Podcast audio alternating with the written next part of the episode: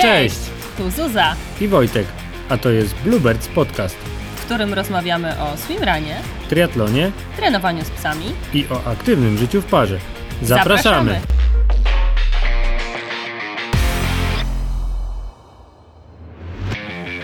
Pierwsza część serii Diablak oczami ptaka. Pływanie. Hej diablaczki i diablaki. Jak tam przygotowania do startu? Mam nadzieję, że trenujecie i będziecie dobrze przygotowani na to, na co się sami zapisaliście. Spora część z Was słuchających to nagranie jeszcze zastanawia się nad tym, czy wystartować w Diablaku. A może są tacy, co pukają się w głowę i myślą, co to w ogóle za wariactwo ten Diablak. Nie ma co się zastanawiać. Trzeba się zapisać i zacząć trenować. Ja w tym roku nie będę startował w Diablaku. Postanowiłem ten rok przeznaczyć na swimrun. I razem z moją Zuzą, jako bluebirds.pl, mamy w planie wystartować w kilku zagranicznych imprezach. Ale być może pojawię się w żywcu jako support. Pomyślałem sobie jednak, że przekażę Wam kilka wskazówek dotyczących Diablaka. Chętnie podzielę się moim doświadczeniem na tych zawodach i mam nadzieję, że będzie to dla Was przydatne. Postaram się na podstawie moich startów, mojego doświadczenia przekazać Wam parę informacji, parę rozwiązań logistycznych, co się sprawdziło, a na co warto zwrócić uwagę. W pierwszej kolejności chciałbym przybliżyć Wam etap pływacki, opisać jak wygląda start, na co można się nawigować. No to co, zaczynamy.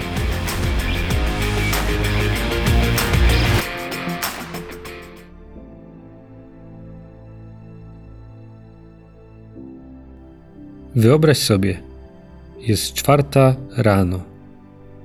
Jest dość ciemno, ale nie są to egipskie ciemności. Z linii startu widać wodę, zaporę i brzeg po drugiej stronie. Stoisz na kamienistym brzegu. Woda delikatnie muska twoje stopy. Czujesz emocje, zdenerwowanie, starasz się uspokoić swój oddech. Zamykasz oczy i słyszysz odliczanie. Dziesięć, dziewięć, osiem, siedem. Milion myśli przebiega ci przez głowę. Czy wystarczająco dobrze trenowałem? Czy dam radę? Sześć, pięć, cztery. Podekscytowanie sięga zenitu. Trzy, dwa, jeden. Czujesz ten dreszczyk? Bo ja tak. Na diablaku po starcie nie ma szybkiego wbiegania do wody. Kamieniste dno skutecznie temu zapobiega. Na szczęście bardzo szybko robi się głęboko i już po kilku metrach można zacząć płynąć. Zaraz po starcie jest pomost. Omijasz go lewą ręką i zaraz za nim skręcasz w lewo. I przed sobą masz długą zatokę. Taki szeroki wodny korytarz.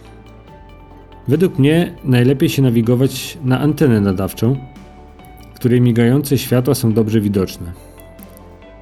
Płynąc cały czas prosto wodnym korytarzem, ja staram się powoli zbliżać do prawego brzegu.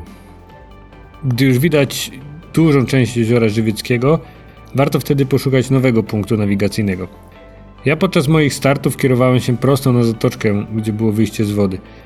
Okazało się to jednak trudne, bo odległość do wybranego przeze mnie punktu nawigacyjnego była na tyle duża, że nie byłem w stanie płynąć w linii prostej.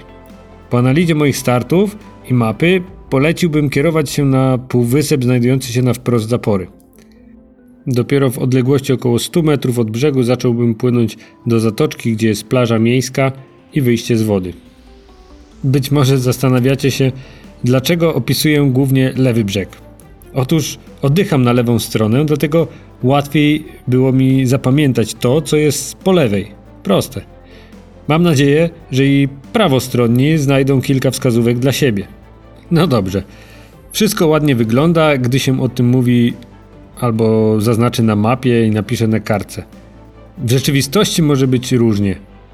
Może zaskoczyć Was mgła, jak na przykład w 2018 roku. W takim przypadku warto trzymać się blisko brzegu, głównie ze względów bezpieczeństwa. Ja, jako punkty kierunkowe, najczęściej obieram duże, stałe, widoczne elementy. Nie nawiguję na łodzie pływające, ani na te, które są zakotwiczone gdzieś przy brzegu.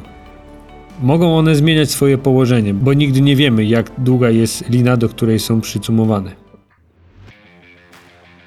Poza tym natura potrafi płatać figle. We wspomnianym 2018 roku, gdy już dopływałem do zatoczki z wyjściem z wody, nagle poczułem, jakbym zatrzymał się w miejscu. Ręce miałem już zmęczone, ale nie na tyle, żebym nie mógł płynąć. Podejrzewam, że trafiłem na jakiś prąd wodny.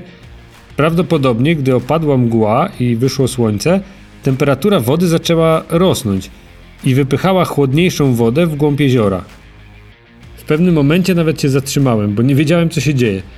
Dopiero jak zobaczyłem zawodnika płynącego przy brzegu, oczywiście po lewej stronie, to zacząłem płynąć w jego stronę i jakoś udało mi się wyjść, wypłynąć z tego prądu wodnego. Ot taka przygoda w wodzie. A czy ktoś z Was startujących w Diablaku miał jakieś ciekawe przygody w wodzie? Wiem, że jeden ze startujących zakręcił kółeczko we mgle na samym środku jeziora. Nieźle, prawda? Dla ciekawskich, pod tym nagraniem udostępnię ślady GPS z mojego zegarka z etapu pływackiego z 2018 i z 2019 roku. W kolejnych częściach będę chciał przybliżyć Wam kolejne etapy, czyli etap kolarski, etap biegowy i zejście z Babiej Góry. Zachęcam do komentowania, zadawania pytań.